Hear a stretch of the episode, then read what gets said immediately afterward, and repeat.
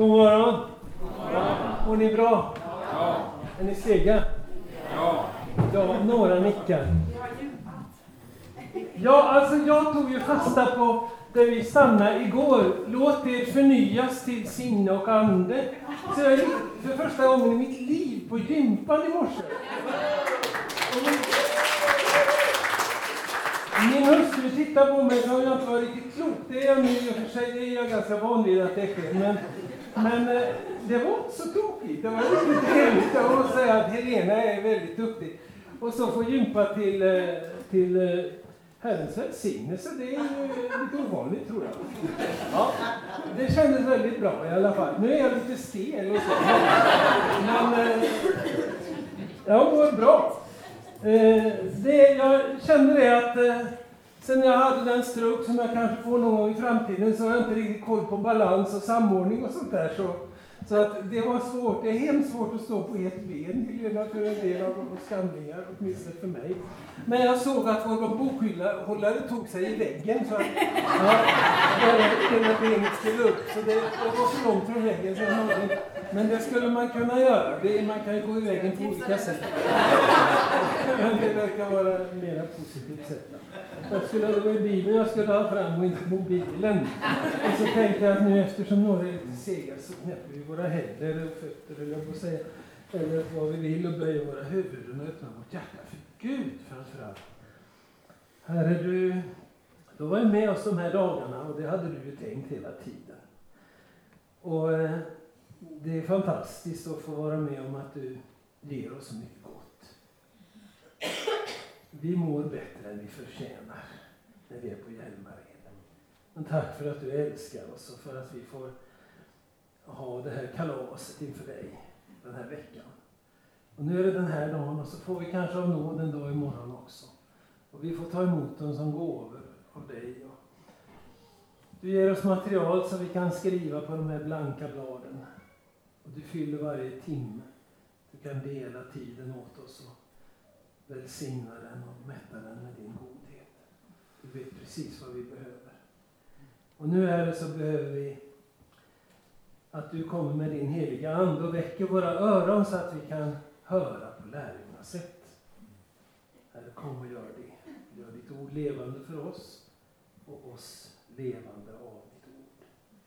I Jesu namn. Amen.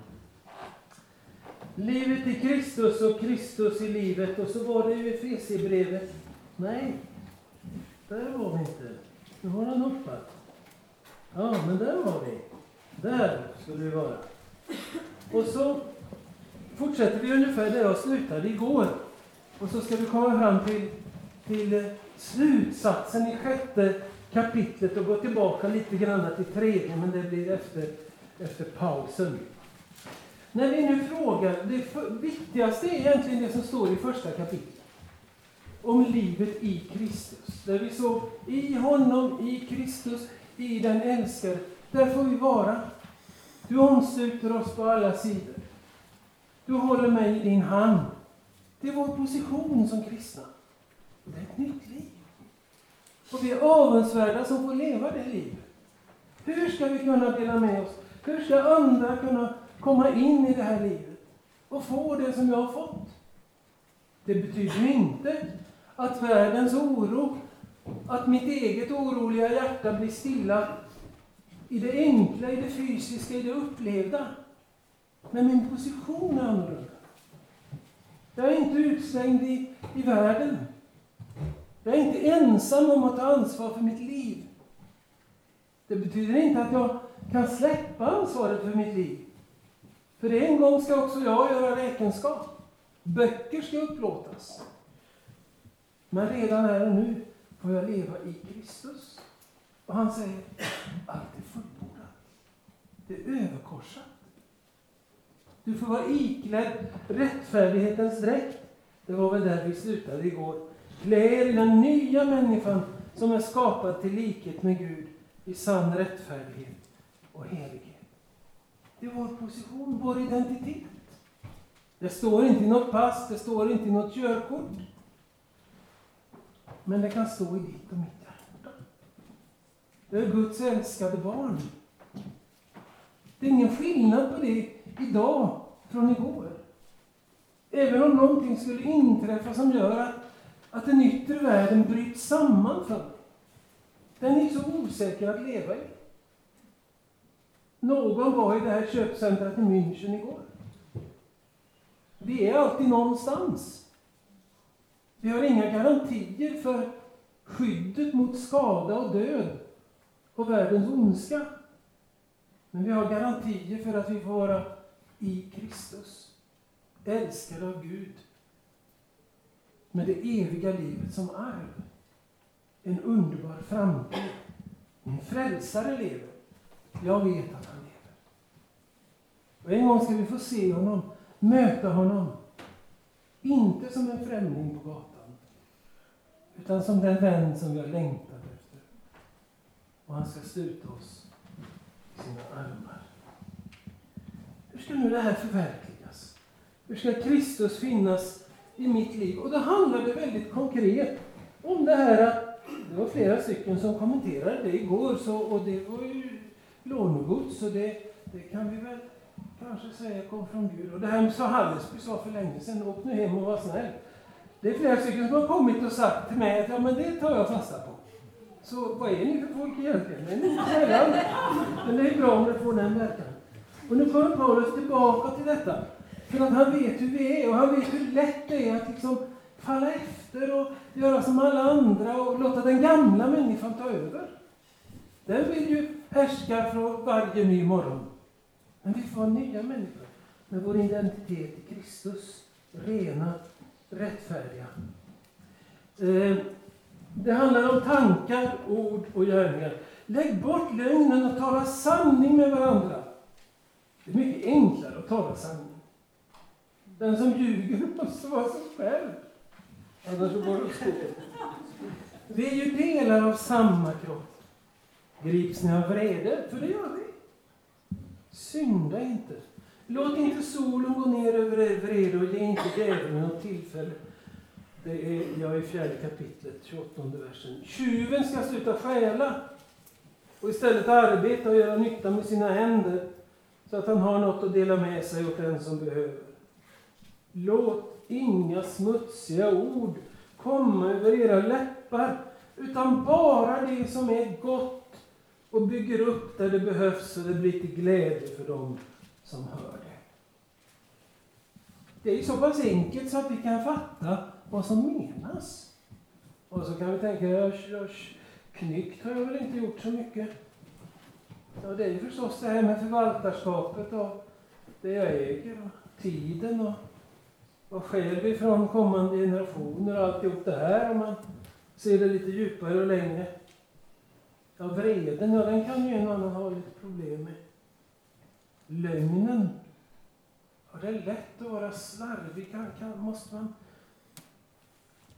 Och smutsiga ord, nej men det använder jag inte. Men bara det som är gott. Vem klarar det? Vem klarar av att, att tala på ett sådant sätt så att man bara säger det som bygger upp? Och så det blir till glädje för de som hör det. Vem här har det så? Ingen. Och vi kanske inte menar det, men orden faller och så blir någon sårad. Det är så lätt det där. Hur ska vi göra då? Vi som är gamla och får på studentmöten och SUM och fick mycket då och sjöng ur nordisk sång. Hur många har sjungit ur nordisk sång? Inte Maria, det vet jag, men jag har lärt henne lite nu. Vi får se vad det blir för resultat ikväll. Och då sjöng vi nummer 354. Vilken var det? Göran får inte svara, han kan hela utan Namnet Jesus. Nej, det var 441.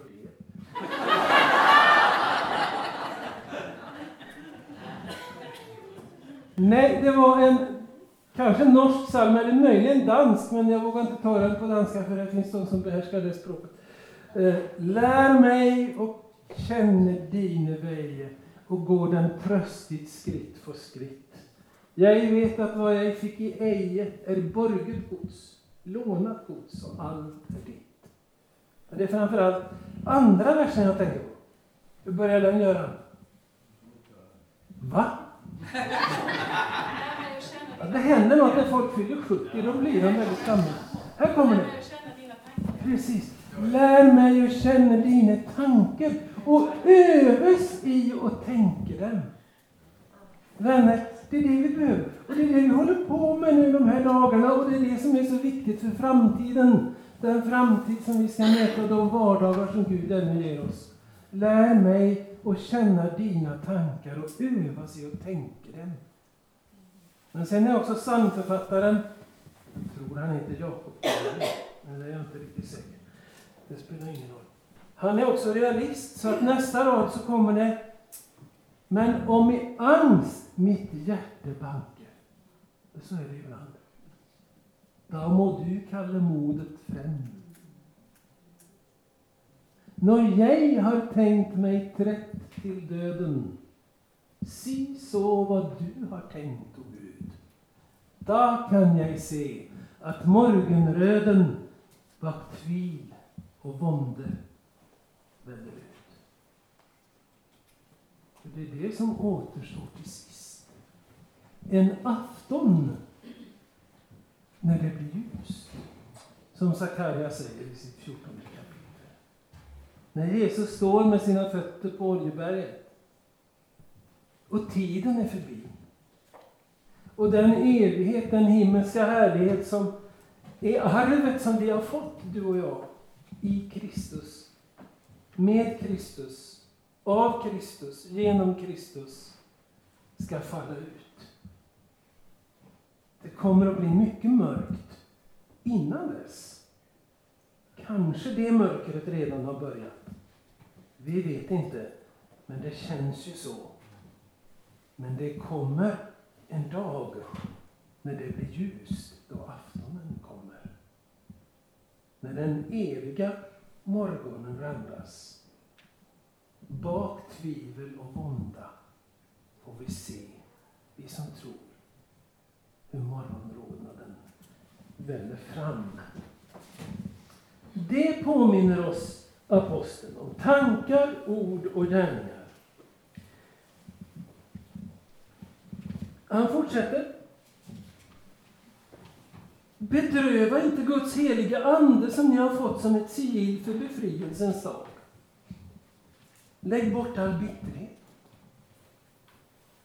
Ja, bitterhet, det skulle vi kunna ägna en halvtimme åt att prata om.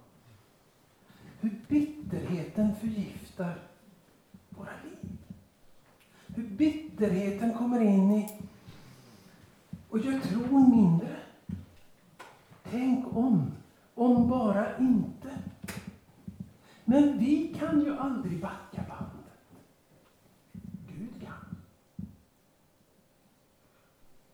Gud är en Herre för både levande och döda, ty för honom lever alla, skriver aposteln i Romarbrevet. Här. Och när Johannes i Bibelns sista bok får vara med om ett avslöjande, en apokalypsis, att den slöja som hänger mellan vår synliga värld och det ögonblick som är nu. Och den osynliga himmelska världen och evigheten som inte har någon tid.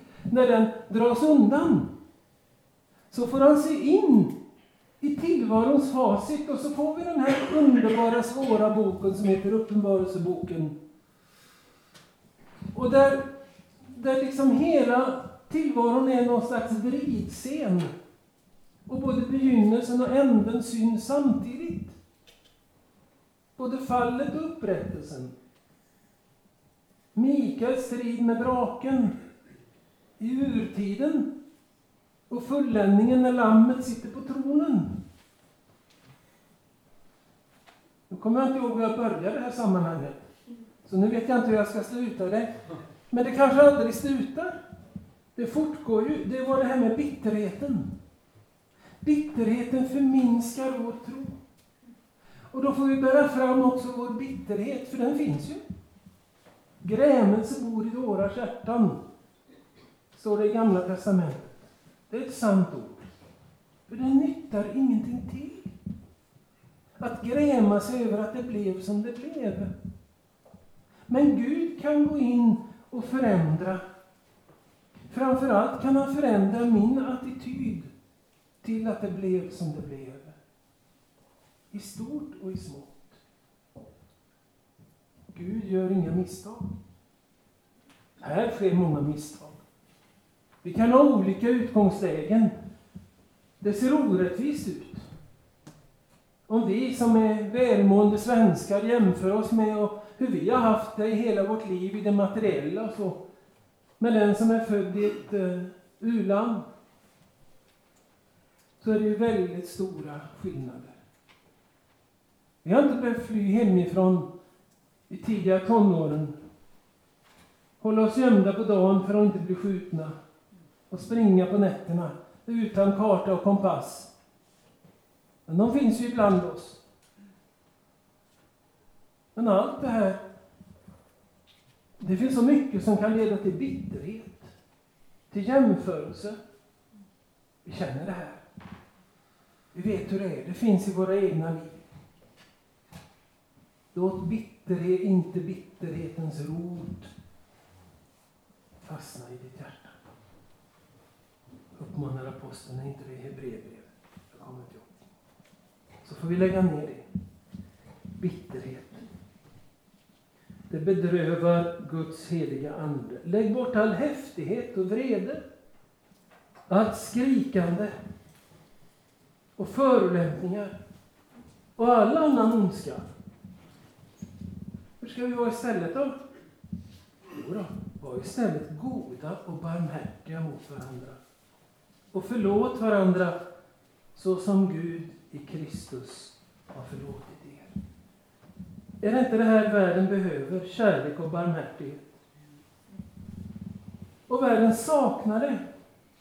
Här finns ju en motsättning i, i, i nutiden att toleransen är hur stor som helst. I princip. Men när det gäller så försvinner den totalt. Då glömmer man aldrig att Mona Sahlin fifflade med en Toblerone. Det var ju förra årtusendet, men det kommer upp fortfarande. Då finns det ingen nåd för den som gör fel. Men det finns det i Kristus. Det är det det finns. Och det är väl inte så lätt att vara vänlig och barmhärtig och, och förlåta varandra som Gud i Kristus har förlåtit och så. Om vi inte tar fasta på det som kommer, bli därför Guds efterföljare, följare som hans älskade barn. Och lev i kärlek, så som Kristus har älskat oss och utgett sig själv för oss som en offergåva, ett väldoftande offer åt Gud. Vi får vara i Kristus. I den här sköna, friska atmosfären. Vi har andats in den luften tillsammans nu. Vi har smakat och sett att Herren är god. Och den som har gjort det behöver inte glömma den smaken. Utan får komma och smaka på nytt och på nytt och på nytt. För dig utgiven för dig utgjutet. Det är så vi ska leva, vänner. Anständigt. Vi påverkas så mycket av smuts och orenhet som finns i tillvaron. Den når oss så lätt, det finns överallt. Djävulen har inteckningar i våra egna hjärtan. Frestelserna är stora, inte bara för unga människor, utan också för gamla människor för alla. Men sexuell omoral och all orenhet eller girighet ska inte ens nämnas bland er. Det anstår inte de heliga. Skamligt och dumt prat eller grova vitsar. Jag är så glad för att det, bara, att det står grova vitsar. Så finare vitsar får man ha. Och, och, och det stod eh, ju förut eh, eh,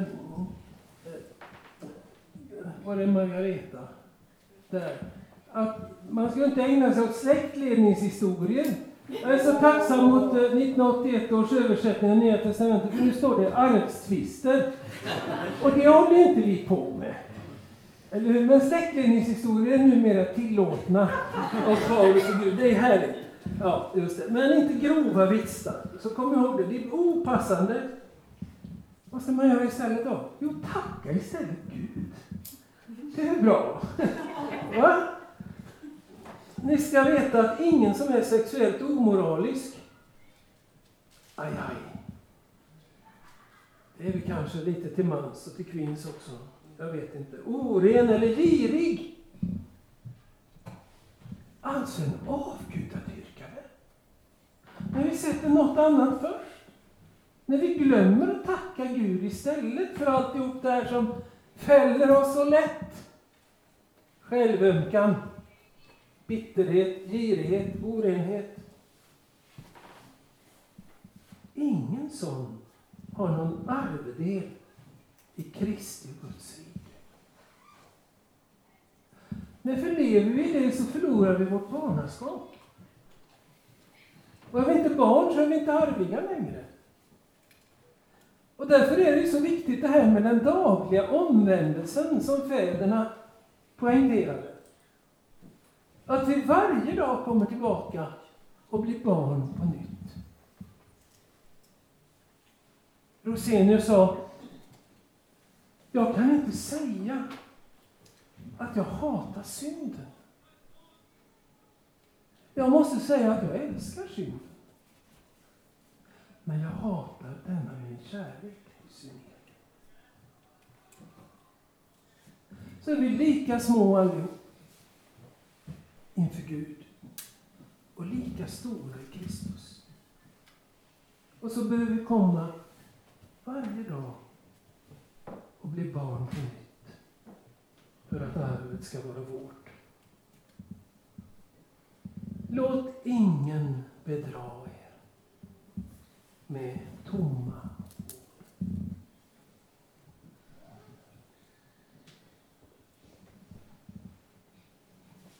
Det händer att eh, vi hör någon predikan i radio eller så. Och ibland är det väldigt vackert språk. Man märker att de har jobbat med det och det gör man väl om man ska tala i radio. Men så tänker jag efteråt, vad handlar det om? Det kan ju bero på mig, men det har inte fastnat var det kanske tomma ord. Jag mötte en kollega nu här i början på sommaren. Han berättade att han hade anmält sig till en, en sån här avancerad predikoutbildning som Svenska kyrkan erbjuder och som man kan få om eh, kyrkoråden är, är förbindliga och som kostar massor med pengar. Och det var en grupp präster då från hela Sverige som, som träffas. Och sa han, jag blir ganska bedrövad vi får spela in varandras predikningar i kyrkan och så delar vi med oss och så får man recensera. Han hade fått två predikningar att recensera. Och det ena var från fastasöndagen, Kärlekens väg. Och det andra var från midfastosöndagen, Livets bröd. Den första predikanten hade uppmanat alla åhörare att verkligen gå kärlekens väg när de hittade. Själv hade han eller hon varit på en kurs för andra präster och träffat en ny. Och de hade båda haft modet att lämna sina tidigare sammanhang med familjer och barn och verkligen gå kärlekens väg. Det handlade väl om lite mer också. Den på midfastosöndagen med Livets bröd, sa han, den korta predikan handlade uteslutande om predikantens ätstörningar.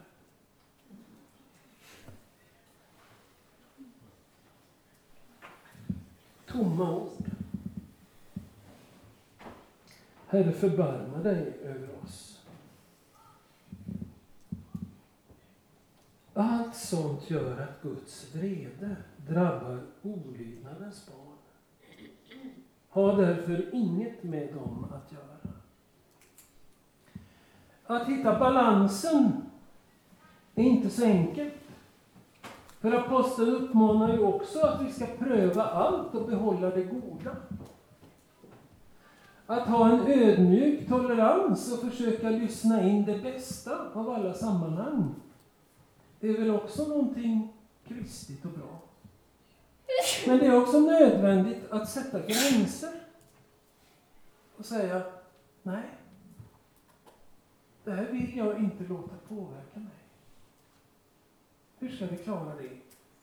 Då kanske vi får gå tillbaka på nytt till den bilden som vi hade igår med Kristus som huvudet. Och att vi växer upp till honom i kärlek och sanning. Det är det där med både kärleken och sanningen. Det här är en vägskylt som finns i Östergötland utanför Linköping. Det var någon som skickade den på Facebook. En presskollega, tror jag. Jag känner igen namnet, men jag känner inte personen direkt. Och sen har han skrivit en allvarlig fråga. Sitter inte den här skylten på Svenska kyrkans väg? Normlösa. Det finns faktiskt en ort som heter så. I Borås i sommar så har man haft eh, den första Pridefestivalen. Nu kommer jag inte ihåg temat exakt, men det var någonting så här, kasta loss från normerna. Och det kan ju vara viktigt. Därför att det finns många normer som är skapade av människor utifrån traditionen utifrån eh, både det ena och det andra. Men det som var tragiskt i sammanhanget, vi var ju inte där, men vi läste Borås Tidning, var ju det helsidesuppslag som Svenska kyrkan hade. Att man hakar på där. Och det här är någonting viktigt också för oss. Med människovärde och, och att alla ska få vara med och allting sånt. Men kära någon, är det inte det vi har hävdat i 2000 år? För flera år sedan när det blev aktuellt med välsignelse av homosexuella par innan de fick gifta sig, så tillfrågades Anders Brogren, präst i Horred, om han var beredd att välsigna homosexuella. Ja, sånt där har jag nog gjort i många år. Vad menar du? Har inte varit tillåtet? Jo, jo, men. I varenda gudstjänst så har jag uttalat Herrens välsignelse över alla som har varit där. Och jag har inte reda på vad, det, vad de har för sexuell läggning eller hur det är med dem, men jag har nog välsignat alla möjliga i alla år. Det är det här kyrkan har stått för alltid. Öppenhet, inklusivitet, människors lika värde. Men inte med frihet från de normer som Gud har gett. För vi tror ju att bundenhet till det Gud vill är den verkliga friheten. Och där är en stor skillnad. Och kastar man av allt som Gud har bestämt, så blir man ju inte fri. Då blir man ju bunden av onda makter. Det är så tydligt i Bibeln och i Efesierbrevet. Och nu finns det mycket mörker i det här. Och därför så, och det gjorde det nog på det första århundradet också i romarriket med den blandkultur man hade. Och därför skriver aposteln Tidigare var ni mörker. De han skriver till i mindre Asien har ju inte varit kristna särskilt länge. De är inte födda i kristna hem. Men nu är ni ljus i Herren. Lev då som ljusets barn, för ljusets frukt består i allt vad godhet, rättfärdighet och sanning heter. När vi satt här under salmen så tänkte jag undra hur länge det dröjer innan någon i värdgruppen här upptäcker att ljusen på altaret inte är tända. Och precis när jag hade tänkt det så reste sig Viktor upp och tände ljusen. Det var Karina som upptäckte det. Säg det, men det var du som tände dem. Jag såg inte. Ja, just det. Jag hade tänkt det innan, men jag är så slö så jag agerade ju inte. Jag, när jag satt så, så tänkte jag att de har runnit ner så det finns ingenting kvar. Men det är lite kvar. Men snart har de runnit ner. Jag hoppas att den här veckan har för oss alla åstadkommit att ljuset, det inre ljuset, det som är Kristus, inte har brunnit ut. Utan att det har blivit större. Att det räcker ett tag till. Det är inte tänkt att vi ska vara andliga kameler. Kamelen är ju, kan ju gå hur länge som helst i en öken. De har, de har plats för hundra liter vatten, tror jag. Inte i pucken, för där har de fett, utan i fötterna. Och håligheterna i benen har jag lärt mig när jag har varit i de där trakterna där de har kameler. Och det är därför som de kallas för öknens skepp. Inte för sin vaggande gång, utan för att de faktiskt går på vatten. Nu kommer säkert någon i pausen som vet det här bättre och säger att det, det här har du fel, så då, men då tar vi det i början på nästa pass. Och så snart på pausen. Men vi är inga sådana, så det spelar ingen roll. Vi är inte skapade för att kunna åka till Hjälmaren en gång om året, eller vart 17 år, eller, eller 17 år i rad. Eller, ja, och tanka. Och så klara oss. Men tillvaron för oss vänner kan ju ibland bli sån att vi får gå långa sträckor i öknen. Att det är långt mellan tankställena. Och då behövs de här oaserna. Där vi får dricka oss otörstiga och där ljuset får börja brinna på nytt. Pröva vad som gläder Herren. Var inte delaktiga i mörkrets ofruktbara gärningar, utan avslöja dem istället. Vad de gör i hemlighet är skamligt till och med att nämna. Det skriver han ingenting om vad det är. Men allt som avslöjas av ljuset blir synligt. För att allt som uppenbaras är ljus.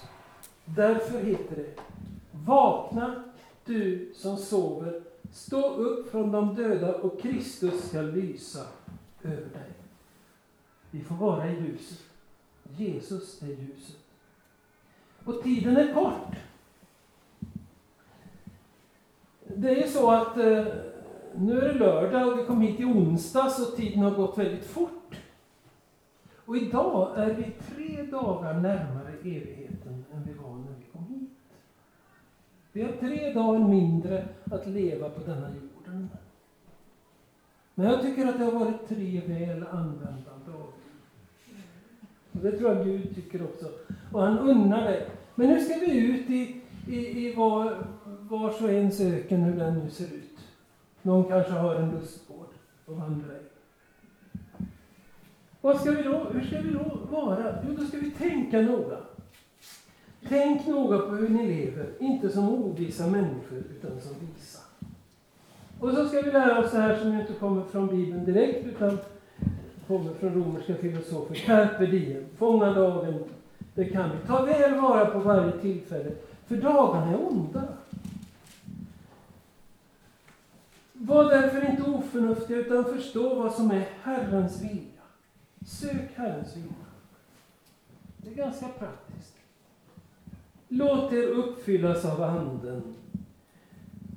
Tala till varandra med psalmer, hymner och andliga sånger. Sjung och spela för Herren i era hjärtan. Och där, det är ju det som står i, i Kolosserbrevet 3.16 som Jonas nämnde igår. Det är samma sak. Vad ska vi göra mer? Tacka alltid Gud, vår Gud och Far, för allt i vår Herres Jesu Kristi namn. Och sen kommer den mycket praktiska anvisningen för kristna människor. Det som vi kallar för hustavlan, den förkättrade, den otidsenliga, den mansdominerade. Men också den kan ju bara förstås i förhållande till Kristus. Och nu hinner vi inte gå igenom den, jag hoppar över den. Det är lösenordet här också. För man och hustru, för barn och föräldrar, för arbetsgivare och arbetstagare. Ni får läsa den själva. Det är från vers 21 i femte kapitlet och till och med vers 4, nej, vers eh, 9 i det sjätte kapitlet. Och ni som är farsor här, reta inte upp era barn, utan fostra dem och förmana dem i Herren. Och ni som är gifta med varandra, älska varandra så som Kristus har älskat församlingen och utgivit sig för den. Är det något hårt? Är det något svårt? Det är ju gott och ljuvligt detta som Jesus har gjort. Vår relation till honom. Här droppar honungen. Även om det kan se ganska salt ut. Nu tar vi fem minuter. Som kom fram. Fast det handlade, det handlade inte om kamelerna.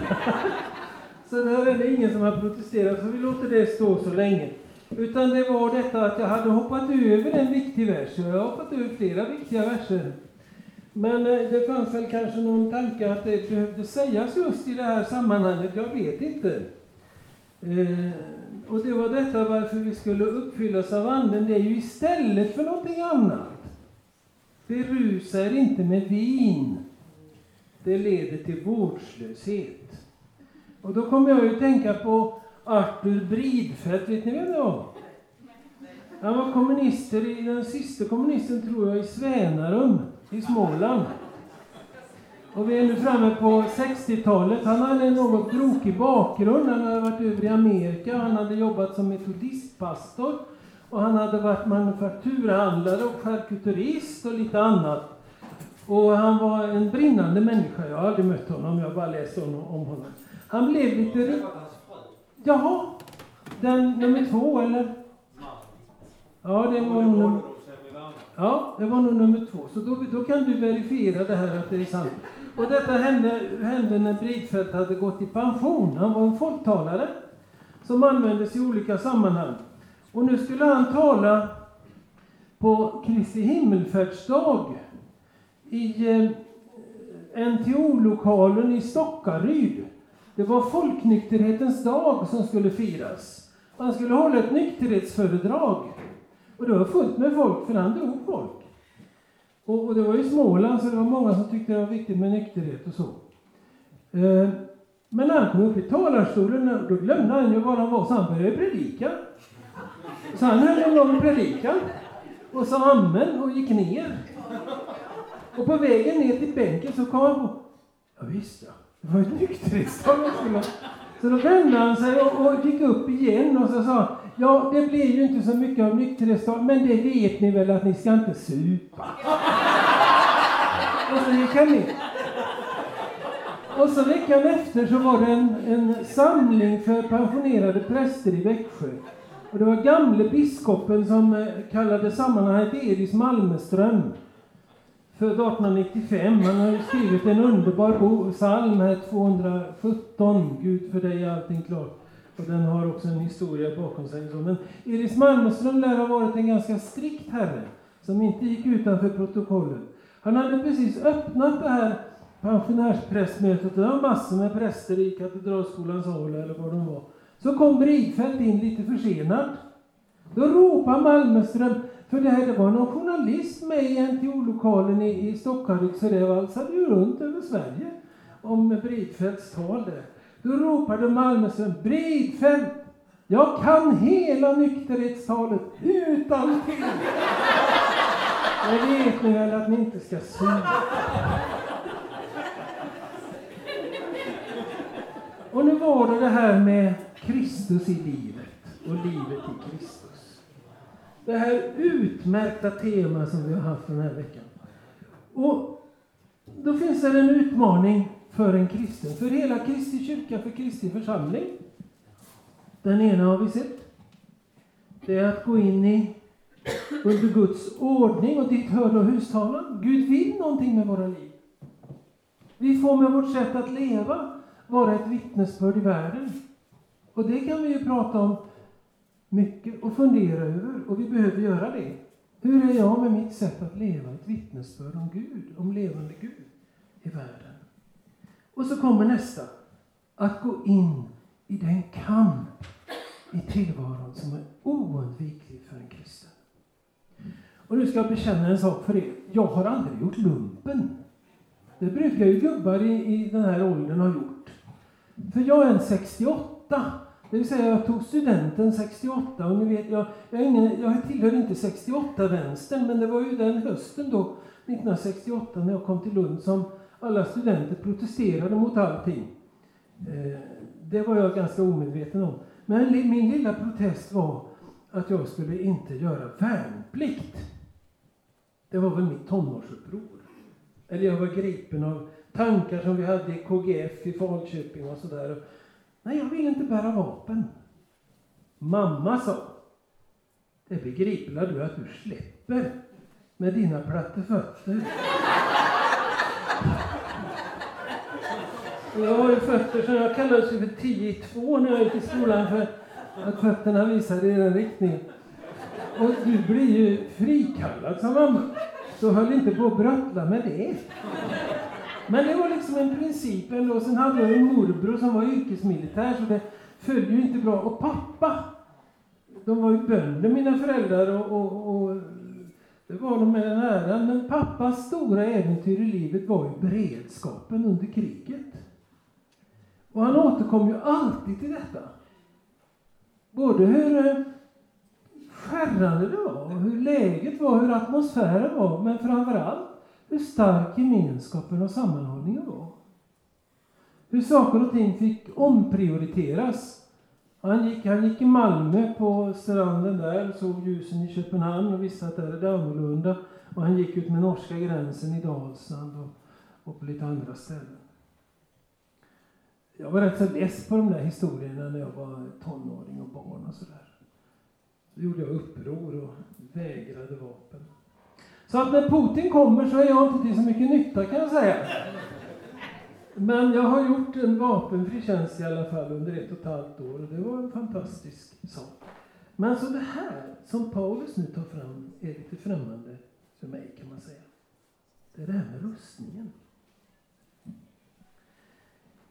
Han såg naturligtvis, och alla andra som han vände sig till i mindre Asien, nuvarande Turkiet, men också från den kulturkrets där han hörde hemma, nämligen det heliga landet, dagligen romerska soldater.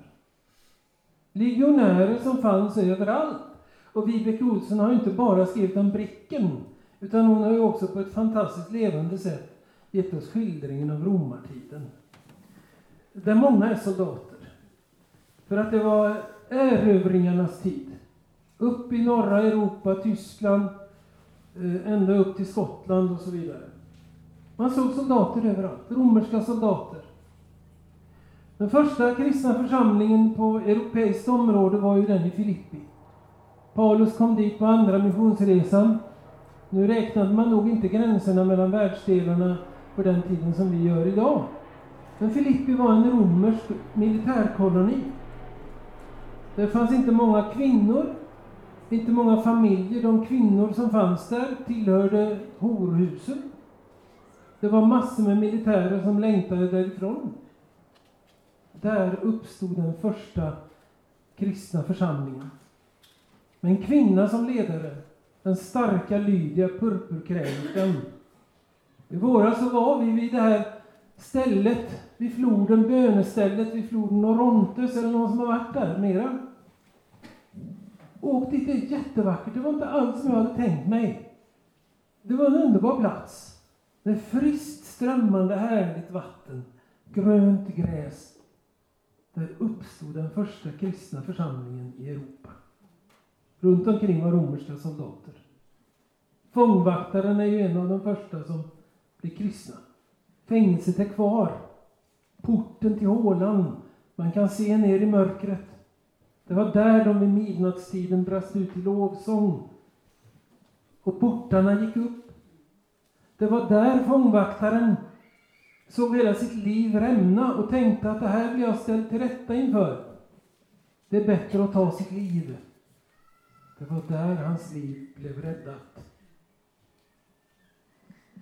Nu säger Paulus att vi har en kamp att gå in i. Och den kan vi inte komma undan. Gör vi det, så har vi, är vi på fel ställe eller har inte förstått. Och för den kampen, det är inte bara mot ovänliga människor. Där behöver vi vara starka. Bli starka. Men du klarar det inte genom att rycka upp dig och ta dig i kragen eller gå på morgongympa ens till lovsånger. Det räcker inte för den kampen. Det kan underlätta. Men du behöver bli stark i Herren och i hans väldiga kraft. 6, vers 10. Och så är det det här med rustningen då. Ta på er Guds vapenrustning. Så att ni kan stå emot djävulens listiga angrepp. Ta på er hela Guds vapenrustning. Hela rustningen. För det handlar om djävulens listiga angrepp. Och han är listig, vi har sett det tidigare.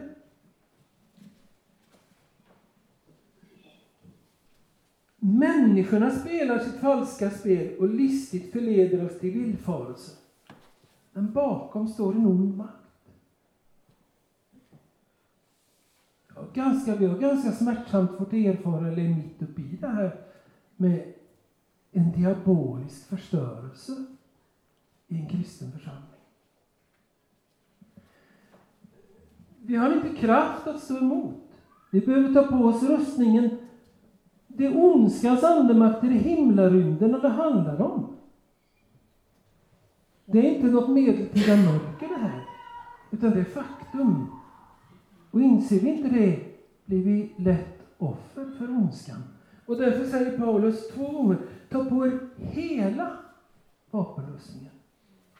Det räcker inte med bara en bit. Hela. Hur ser den ut? Stå fasta.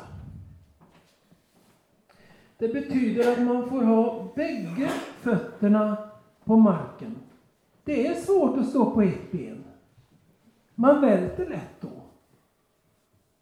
Vi behöver ha bägge fötterna på jorden och veta att det här är en... Jorden är i den ondes våld. Men vi behöver ha hjärtat i himlen. Det handlar om arvet. Du är Guds barn. Du hör ihop med Gud. Du behöver inte bli offer för alla andra makter av ont slag på den här jorden. Och nu får du ta på dig hela rustningen. Ta sanningen som bälte runt höfterna. På många ställen i evangelierna står uppmaningen som i gamla bibelöversättningen hette Omgjorda era länder. Det var ju att man skulle ha ett snöre om livet så man kunde ta upp den långa livklädnaden och, och binda fast när man skulle springa, när man behövde röra sig fritt och lätt. Vi kan också påminna oss om vad Jesus säger i Matteus 11. Kom till mig, alla ni som är trötta och tyngda av bördor. Ta på er mitt ok och lär av mig. Mitt ok är milt och min börda är lätt. Och nu har inte, vi använder ju inte ok längre. Men det finns kanske en och annan som i ett skjul har ett ok hängandes där hemma. Och det var ju till för, inte att ta bort bördorna, men att fördela tyngden och hålla dem på avstånd om man var tvungen att hämta vatten innan man hade vattenledning inne och så. Två hinkar vatten bär man och armarna blir så långa och det står, står mot knäna och det skvimpar ut och man blir våt. Men oket fördelade tyngden och höll den ifrån mig. Jag kunde gå fritt med rak rygg. Mitt ok är milt, säger Jesus. Men är det inte, det är väl en ny börda det här att bli kristen? Då måste man ju vara på ett visst sätt. Ja, visst. Men det är ett milt ord. Det håller alla andra bördor på avstånd. Det hjälper till att bära. Sanningens bälte runt livet så att du kan röra dig fritt. Fästa upp det som hindrar, inte ta bort det, för det kan behövas det här med livklädnaden som skydd också. Rättfärdighetens pansar. Pansaret är ju detta, det är det som skyddar hjärtat. Det är av plåt. Skaver inte det? Jo då. Det kan det göra. Vem har sagt att det ska vara lätt allting? Men det skyddar lätt hjärtat. Och från hjärtat utgår livet. För soldaten var det väldigt viktigt. Om soldaten tyckte en varm dag kära någon, i romarriket, det kan ju vara 40 grader plus i skuggan. Nej, jag tar inte pansaret idag. Det blir för svettigt. Och så får han en brinnande bil rätt i hjärtat. David kunde inte ta på sig Sauls rustning, för den var för stor. Men Gud hade gett honom andra vapen att hantera. Han behövde inte det.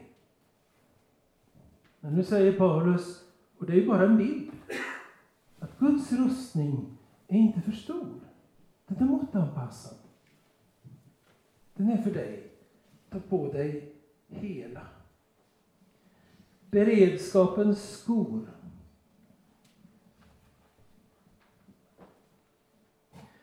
Bär som skor på era fötter den beredskap som fridens evangelium ger. Om man ser på bilder av romerska soldater, jag borde haft en sån här men jag har inte haft eh, internetuppkoppling här så jag har inte kunnat lägga in det. Så har de inte några stora kängor på de flesta bilder utan det är bara snörda sandaler. Men sulorna är starka. Sulorna är starka så de kan springa över stock och sten.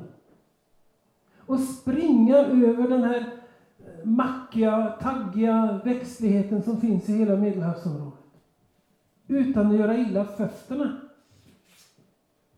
Här kan vi ju iaktta hur både barn och vuxna, och vi själva också kanske, går barfota. Och så fort man har möjlighet, om man nu inte har några skor på fötterna, så går man över till gräset. Inte sant?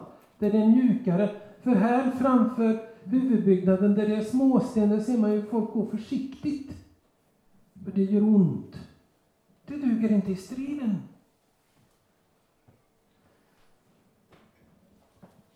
Beredvillighetens skor. Att vara beredd att gå två mil med någon. Vem kan vara det? Bara den som har skor som är halvsulade med fridens evangelium.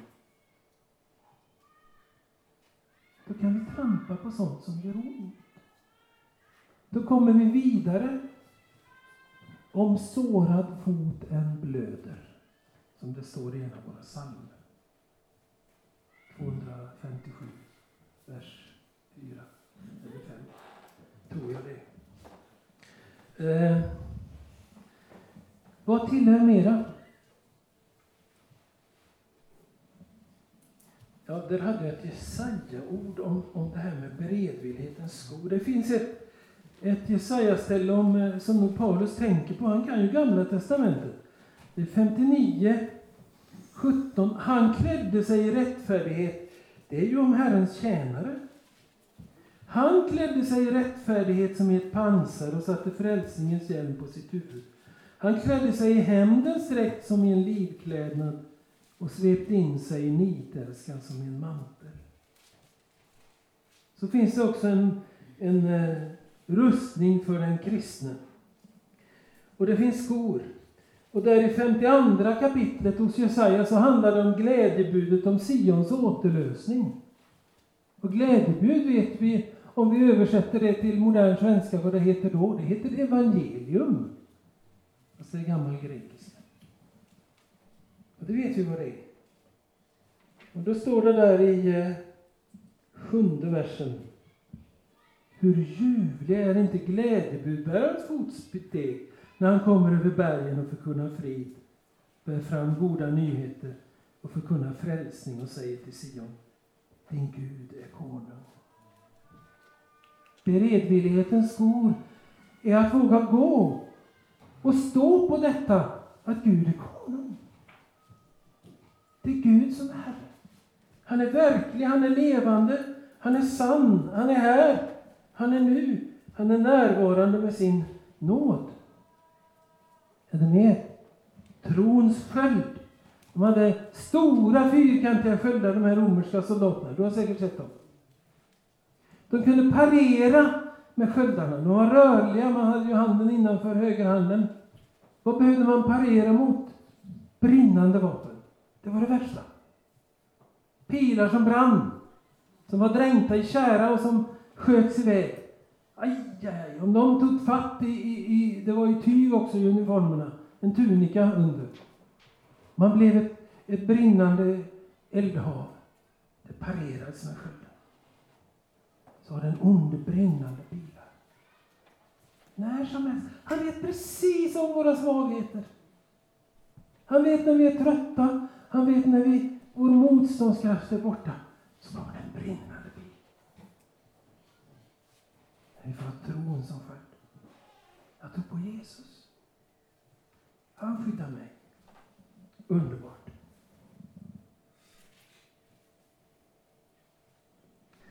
Och så är det det här med hjälmen. Hjälmen skyddar ju huvudet och det är ju rätt så viktigt att ha det klart.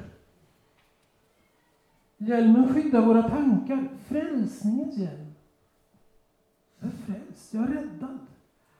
Att ha det inte bara i hjärtat, utan i tanken, i vetskapen. Det har hänt någonting i historien. Mina synder bar han på sitt kors. Han har försonat för mig inför Gud. Det är fullbordat, det är klart, det är färdigt. Det får jag äga i mitt hjärta. Det får bära mig som en fridens underbara känsla, men det behöver framförallt vara i min tanke, i min vetskap, i min kunskap. Det har hänt någonting. Det är något att stå på. Sen hade hjälmen för den romerske soldaten en, en annan funktion. Det var ju varmt. Det blev varmt. Det var torra länder. Och så kom han till en källa, till en bäck. Och du vet vad det levande vattnet står för i både Gamla och Nya Testamentet. Och Jesaja säger i sitt tolfte kapitel, tredje versen, ni ska få ösa vatten med fröjd ur frälsningens källor. Det är ett citat från Psaltaren 118. Salmen, lovsalmen som Jesus och lärjungarna sjöng på vägen till Getsemane. Och det är ett citat från den underbara segersången som Israels barn sjöng när de hade gått genom Röda havet. Och Jesus tar upp det. Och brunnskanten i Sykar. Det vatten som du tänker ta upp, det blir du törstig efter igen. Men det vatten som jag ger släcker din törst. Eller på lövhöjdhögtiden i Jerusalem i Johannes 7. Jag har haft uppe det i något sammanhang här. Kom till mig och drick, den som är törstig. Ur hans inre ska strömmar av levande vatten flyta fram, som skriften säger. Detta sa han om anden. Jag har den strömmen. Och när vi nu en del här under samtalen har delat med varandra bekymren för framtiden och hur det ser ut i kyrkan och i våra församlingar och i svensk kristenhet, så är det ju så här att strömmen av levande vatten kan ingen ta bort. Man kan dämma till för den. Men det är sån styrka i den så den hittar andra vägar. Det blir som med Döda fallet där uppe i Ragunda. Forsen tog en annan så blir det dött där det skulle gått. Så är Gud än idag. Och när soldaten utmattad av törst och värme och strid kommer till en källa så tar han av sin hjälm, fyller den med friskt, klart vatten och dricker djupa drag och får nytt liv, nytt mod, ny kraft. Frälsningens hjälm. Och så då det enda anfallsvapnet som tillhör det här den här rustningen. Andens svärd som är Guds ord. Hur ska vi nu göra detta? Ja, det kan vara lite olika. En del gör det, tror jag, väldigt bokstavligt. Jag har tagit med det som en fråga för samtalsgruppen. Det finns papper där ute. Idag är det bara ett blad. Det finns också för första gången, för det var någon som frågade igår efter det, så att ni kan förse er med mina usla manus. Och, eh, eh, men det kan man ju tala om. Hur gör du med det här med, med, med rustningen?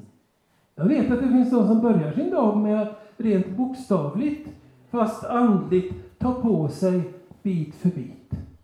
Det är väl inte så dumt? Andens värld som är Guds ord, det betyder ju inte att vi ska slå folk i huvudet med biblarna.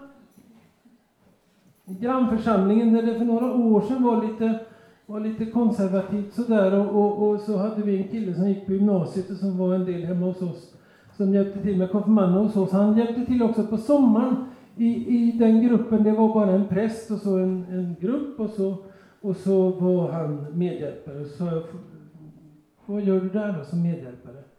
Jo, sa han, min främsta uppgift är att gå runt med en psalmbok och slå i huvudet på de som somnar. Ja, det kanske var nyttigt i det sammanhanget. Eh, men det ska vi inte göra. Det är inte så vi ska använda bibelordet. Men det är en kraft i bibelordet. Det var för styrkan i Guds ord, för sanningen i Guds ord, som djävulen måste vika när Jesus frestades. Hjälpen har inte förändrats. Inte heller kraften i Guds ord. Och därför är det så viktigt att, att leva i Guds ord, att lära sig Guds ord, att tillämpa Guds ord på ett ödmjukt och kärleksfullt sätt. Och om ni nu är nyväckta och ambitiösa människor som vill, vill nära den nya människan fortsatt när ni kommer hem, det vill ni ju. Jag är inte säker vi förmår det. Så gå igenom Efesierbrevet en gång till utifrån de här aspekterna. Hur ska vi nu göra detta? Jo, då är det ju bönen. Var vakna och håll ut i bön. Gör detta under ständig bön och åkallan och be alltid i anden. Ständig, alltid. Vad betyder det? Fundera på det. Och därför vakna och håll ut i bön för alla de heliga. Ständig bön, åkallan. Bön i anden i alla tider, står det. Och bön i anden är kanske inte alltid att det måste ske i tungor, men det kan det göra. Om man har fått den gåvan. Jag tror det handlar mer om en vila i bönen. Att veta att anden manar gott för oss med outsägliga suckar inför tronen i himlen. Vi behöver inte ha en massa helgon och Maria och sådär, men det är fint med dem också som förebilder. Men inte för vår bön. Vi får gå direkt på Guds heliga ande. För han manar gott för oss. Att be i anden är att få vila, tror jag, i att anden vet vad vi behöver. Och Gud är god och han vill ge oss det vi behöver. Vakenhet och uthållighet och förbön.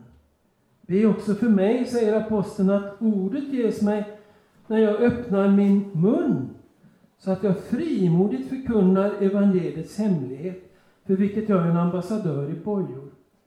Be att jag talar så öppet och fritt som jag bör.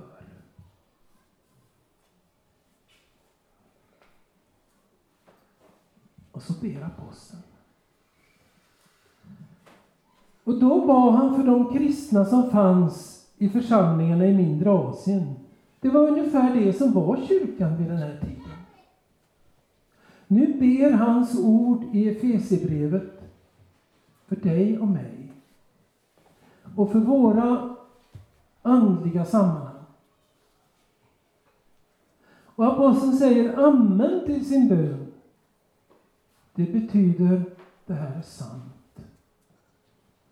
Och amen i Efesierbrevet finns redan i tredje kapitlet.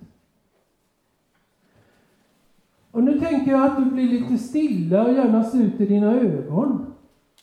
Och så får aposteln be för oss. Därför böjer jag mina knän inför Fadern. Han från vilket allt som kallas far i himlen och på jorden har sitt namn. Jag ber att han i sin härlighets rikedom ska ge kraft och styrka åt er inre människa genom sin ande. Så att Kristus genom tron kan bo i era hjärtan. Och så att ni blir rotade och grundade i kärleken. Då ska ni tillsammans med alla de heliga kunna fatta bredden och längden och höjden och djupet och lära känna Kristi kärlek som går långt bortom all kunskap.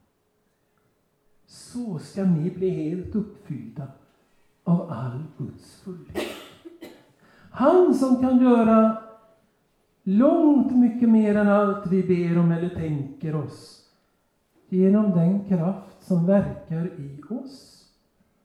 Hans är äran i församlingen och i Kristus Jesus genom alla generationer i evigheters evighet. Amen.